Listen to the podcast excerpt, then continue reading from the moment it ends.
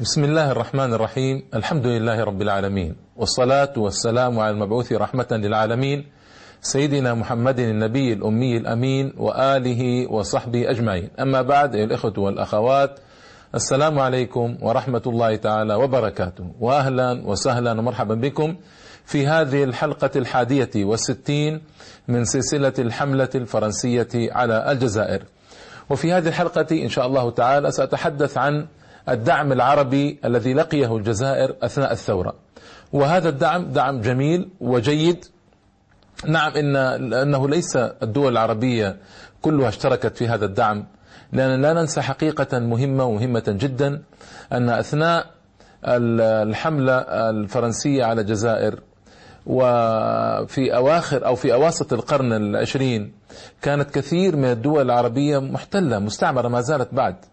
مصر نالت نحن نعلم نعلم ان نالت استقلالها في 1954 آه، سوريا ولبنان 1945 وهكذا دول تأخر استقلال وتأخر نيل استقلالها إلى ما بعد يعني تونس والمغرب 1956 فلم يكن من السهل على هذه الدول أن تساعد الثورة الجزائرية لأن هي مبتلى أصلا بالاستخراب الفرنسي أو الإنجليزي على أرضها. فعندما نتحدث عن الدعم العربي نتحدث عن دعم آه، محدود ببلاد معينة أيضا محدود بمساعدات آه، محددة أيضا ليست كبيرة وضخمة. لكن مع ذلك كان هناك دعم دعم مشرف وقوي سأتحدث عنه إن شاء الله تعالى.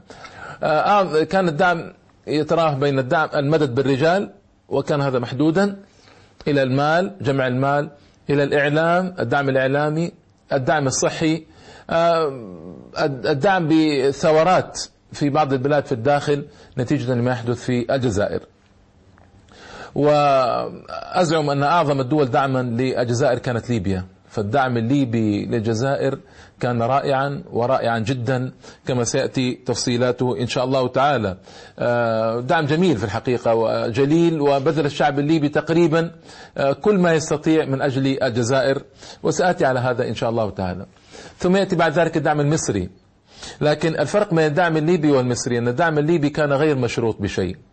وكان يسمح للجزائريين بعمل ما يريدون لا يفرض عليهم توجها معينا فكريا لا يقصرهم على شيء لا يطلب منهم شيئا محددا كان دعما مفتوحا بلا مقابل من الملك إدريس السنوسي رحمة الله تعالى عليه لكن المشكلة وفي الدعم المصري الذي كان أسف مشروطا وقلت لكم هذا الشرط وشرط مؤسف بإبعاد التيار الإسلامي عن الثورة الجزائرية.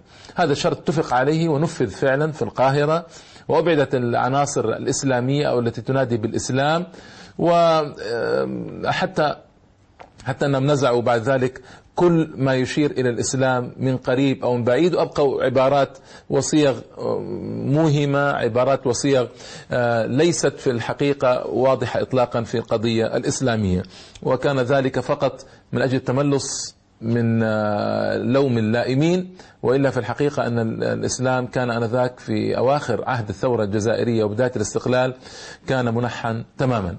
والأمثلة على ذلك كثيرة. فالدعم المصري للأسف كان مشروطا في كثير من الأحيان وصنع وصنع توجه فكري للثورة الجزائرية بعد ذلك مقابل هذا الدعم المصري. هناك دعم مغربي أيضا من المغرب الأقصى من الملك محمد الخامس ومن بعض القطاعات الشعبية هناك دعم من تونس وسيأتي تفصيل هذا كله آه، إن شاء الله تعالى آه، كان هنالك دعم سابق قديم مغربي وهو يكاد يكون متفردا المغرب في الدعم في القرن التاسع عشر الميلادي. آه، يعني في القرن الثالث عشر الهجري. آه هذا الدعم كان سلاطين المغرب يسوءهم ما يجري في الجزائر بداية آه في بداية الاحتلال الفرنسي للجزائر. لكن ماذا يصنعون؟ كانوا إذا ساعدوا الجزائريين تقصف المدن المغربية من البحر وبالمدافع. وتهاجم المغرب وما كان المغرب طاقة آنذاك بمقاومة فرنسا وأسبانيا والدول المتربصة به آنذاك. وإذا لم يساعد سلطان المغرب الجزائريين ثار شعبه عليه وغضبوا واتهموه بشتى أنواع الاتهامات. فكان موقف الملك المغربي في الحقيقة حرجا وحرجا جدا السلطان المغربي آنذاك. حتى جاءت معركة إيسلي سنة 1844 هزم فيها المغرب وكان ذلك عقابا له على على مساعدته الجزائريين. وكان في الحقيقة موقف المغرب في غاية الحرج. نأتي الآن لموقف الليبي الرائع. آه، في الحقيقة آه، الشعب الليبي أظهر تعاطفه مع كفاح الشعب الجزائري وتابع تطورات القضية الجزائرية باهتمام بالغ في وسائل الإعلام في الجرائد آه، في من قبل الأشخاص الذين كانوا يأتون إلى ليبيا مسافرين أو عابرين للحدود إلى مصر أو إلى الحج. كان هناك في الحقيقة تعريف تام بالقضية الجزائرية في ليبيا وتحفيز كامل للشعب الليبي. شكلت خلال النصف الثاني من سنة 1956 يعني بعد بداية الثورة بسنتين تقريبا أو أقل قليلا لجنة شعبية تضامنية باسم اللجنة الليبية لإعانة جيش التحرير الوطني الجزائري. وكرس كرس أعضاء هذه اللجنة نشاطهم لكسب التضامن المادي والمعنوي للثورة الجزائرية. ازداد حماس الجماهير بالمدن والقرى الليبية واستعدت التضحية من أجل نصرة الجزائر. وكان لتأييد الملك السنوسي رحمه الله تعالى للثورة الجزائرية وكذا إنشاء بعثة جبهة التحرير الوطني في ليبيا. أنشئت بعثة لجبهة التحرير الوطني في ليبيا كان لهما دافع قوي لتبلور الشعور الأخوي والتضامن العميق الذي يكنه الشعب الليبي تجاه إخوانه من الجزائر. نظمت مظاهرات كبيرة في المدن الكبرى في طرابلس وبنغازي للاحتجاج على الممارسات الفرنسية. آه، نظمت أولى المظاهرات الضامنية في طرابلس في 18 أكتوبر 56 تحت شعار يوم الجزائر. وفي الشهر نفسه حدث العدوان الثلاثي الآثم على مصر واختطفت آه، الطائرة كانت تقل قادة التحرير الجزائري في الخارج و آه، فحدث أحداث كبيرة جدا. جعلت الشعب الليبي يعبر عن سخطه وقام بمظاهرات حاشدة. جابت شوارع طرابلس هاتفة بسقوط المستخرب الفرنسي. آه، كانت الصحف والإذاعات تنقل أخبار الثورة طبعا آه، وكان الشعب الليبي يتعاطف معها. بقوة. الموسرون الليبيون كانوا يخصصون منازلهم وفنادقهم لراحة الجزائريين ويستقبلون بحفاوة بالغة يقيمون حفلات الحفلات شرفية لهم. آه، استقبلت النساء المجاهدات الجزائريات بحفاوة بالغة في ليبيا. وبيت امرأة كان تسمى بهيجة المشرقي كانت تستضيف النساء الجزائريات القادمات لتمثيل الجزائر خلال المناسبات المختلفة وتقيم على شرفهن الحفلات النسوية في بيتها. وطبعا وهناك آه، يبث أحاديث إذاعية خلال المناسبات الجزائرية. من قبل هذه المرأة تدعو فيها لضروره دعم الثورة الجزائرية ونصرة كفاح النساء الجزائريات آه، وهذا طبعا آه، جانب من جوانب الدعم لا شك دعم المرأة. واحتضنت العائلات الليبية الجزائريين اليتامى من أبناء الشهداء وقامت بالتكفل بإطعامهم وإيوائهم وتدريسهم. آه، أيضا تقدمت جملة من العائلات الليبية بطلب بطلب الإيواء للأطفال اليتامى. وأنشئت مدارس وبلغ مجموع عدد الأطفال اليتامى الذين احتضنتهم العائلات الليبية. والمدارس الثلاث ما يزيد عن 500 طفل وطفلة. آه، طبعا آه، أشياء كثيرة جدا أحاول أختصر آه، من أجل الوقت. لكن تضاف رجال أعمال وسياسيون وتجار وإعلاميون ونساء وكبار وصغار من ليبيا من أجل دعم ثورة الجزائر. هنا أيضا هناك ليبي اسمه الهادي المشرقي كان يغتنم المناسبات الوطنية وانعقاد المؤتمرات الدولية فكان يرسل بطاقات للعالم كله للساسه المؤثرين للنخب الثقافية من أجل أن يتذكروا قضية الجزائر وأن يعملوا من أجل قضية الجزائر. آه، وأكد فرحات عباس رئيس الحكومة المؤقتة آنذاك أكد في خطابه للشعب الليبي على أهمية المساندة الليبية المقدمة للثورة الجزائرية بقوله إننا لا نستطيع أن نقول إنك يعني يا أيها الشعب الليبي أعنت الجزائر في حربها وأنك أيدتها في جهادها.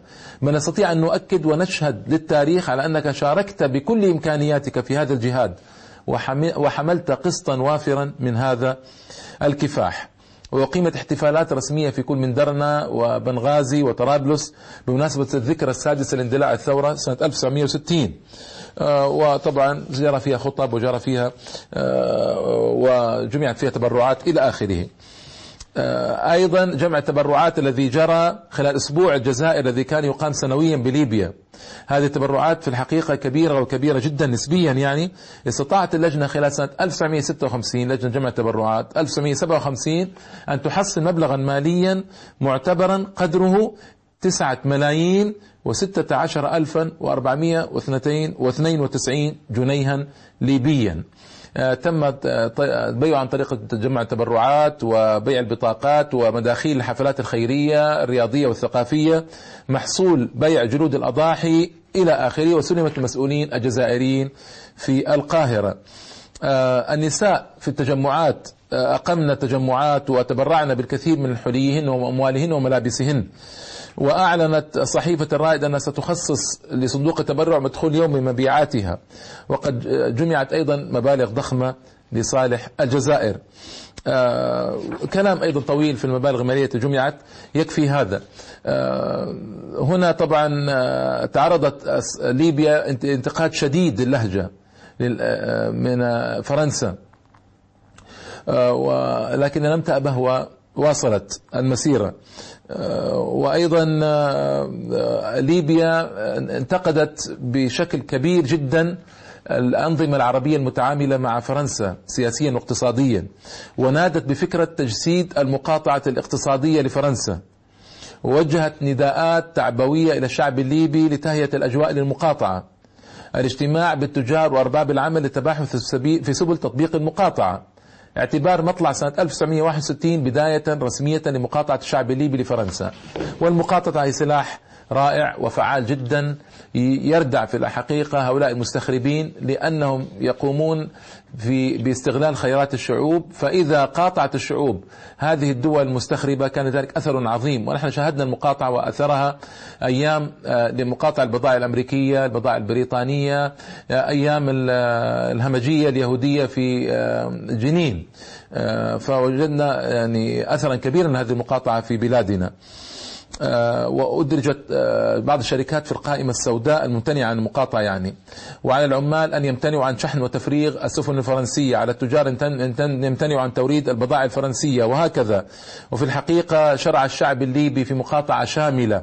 امتنع العمال عن إرشاد السفن والطائرات أو تفريغها وشحنها وحتى تزويدها بالوقود. وامتنع التجار عن استيراد البضائع الفرنسية. وأعرض الشعب الليبي عن شرائها. إلى آخر هذه المقاطعة الرائعة التي جرت.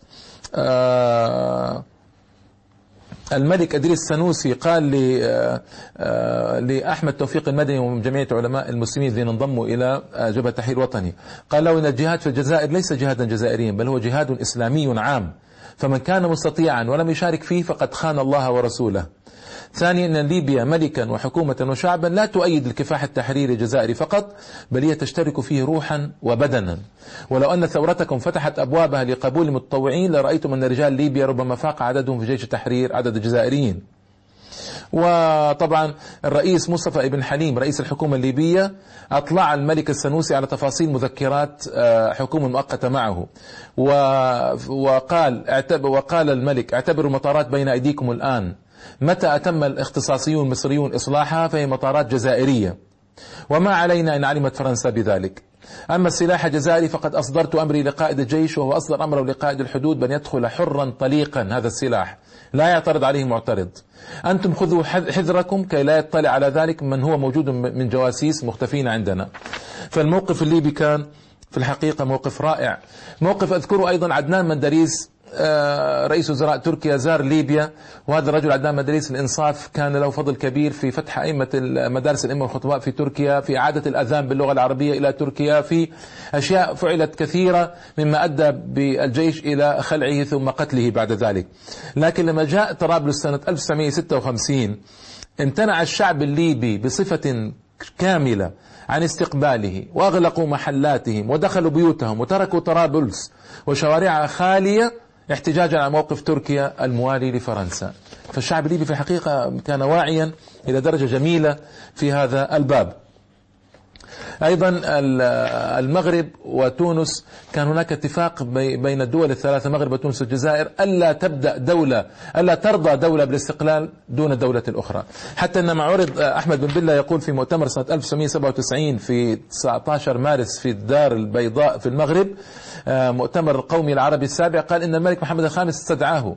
وقال له يعني آه، آه، نحن نعلم عن الوثيقة التي بيننا وبينكم وبين تونس أن لا نقبل باستقلال إلا مجتمعين. لكن عرضوا علي الاستقلال وكان هذا اللقاء في مدريد. عرضوا علي الاستقلال فماذا أقول لهم؟ هل أرفض الاستقلال أم أسمح بالاستقلال وأجعل المغرب قاعدة للجزائريين ينطلقون فيها وعمقا استراتيجيا للجزائريين وكان بن بلة قد عرض عليه شروط جبهة التحرير الوطني لقبول استقلال المغرب ب 25 نقطة قال فأضاف عليها نقاطا وكان معنا صادقا ونفذ ما نريد. وهذا أيضا جيد من الملك محمد الخامس رحمه الله. آه، الثورة الجزائرية تلقت مساعدات من المغرب تمثلت في وجود قواعد التدريب تسهيلات تهريب الأسلحة إلى آخره. الكلام أيضا يطول. في المغرب دعا الأمير عبد الكريم الخطابي المقاومة المغربية والمواطنين إلى مؤازرة الثورة الجزائرية. وتنسيق العمليات العسكرية ضد الوجود الاستعماري الاستخرابي في أقطار المغرب العربي. وعبد الكريم الخطابي مشهور آه، مجاهد كبير وكبير جدا مقيم في القاهرة وهو أمير الريف وقصته طويلة. آه، وكلام يعني آه، أحاول أوجز, أوجز قدر الإمكان من أجل الوقت والقصد هو العبرة والعظة لما تجتمع الشعوب العربية والإسلامية على شيء لا يمكن العدو أن يهزمها مطلقا. العدو ضعيف العدو جبان. العدو يستأسد علينا بتفرقنا نحن بارتعادنا عن كتاب ربنا وسنة رسوله صلى الله عليه وسلم بتركنا تعليم الإسلام وراء ظهورنا واعتصموا بحبل الله جميعا ولا تفرقوا. فإذا اجتمعنا انظروا ماذا يجري من فوز. وهذا مجرد بعض الدول العربية التي ساندت بعضها الذي ساند. آه طيب. آه متران آه متران آه وزير الداخلية آنذاك يقول إن حوادث المغرب وتونس خطيرة. لكن ما هو أشد خطرا منها هو الهدوء السائد في الجزائر الآن. لماذا يقول ذلك؟ لأن يعلم أن أن تونس والمغرب لن تسكتا آه، بعد ذلك ولو استقلتا عن قضية عن احتلال الجزائر. صوت الجزائر المجاهدة الشقيقة الراديو يعني الإذاعة.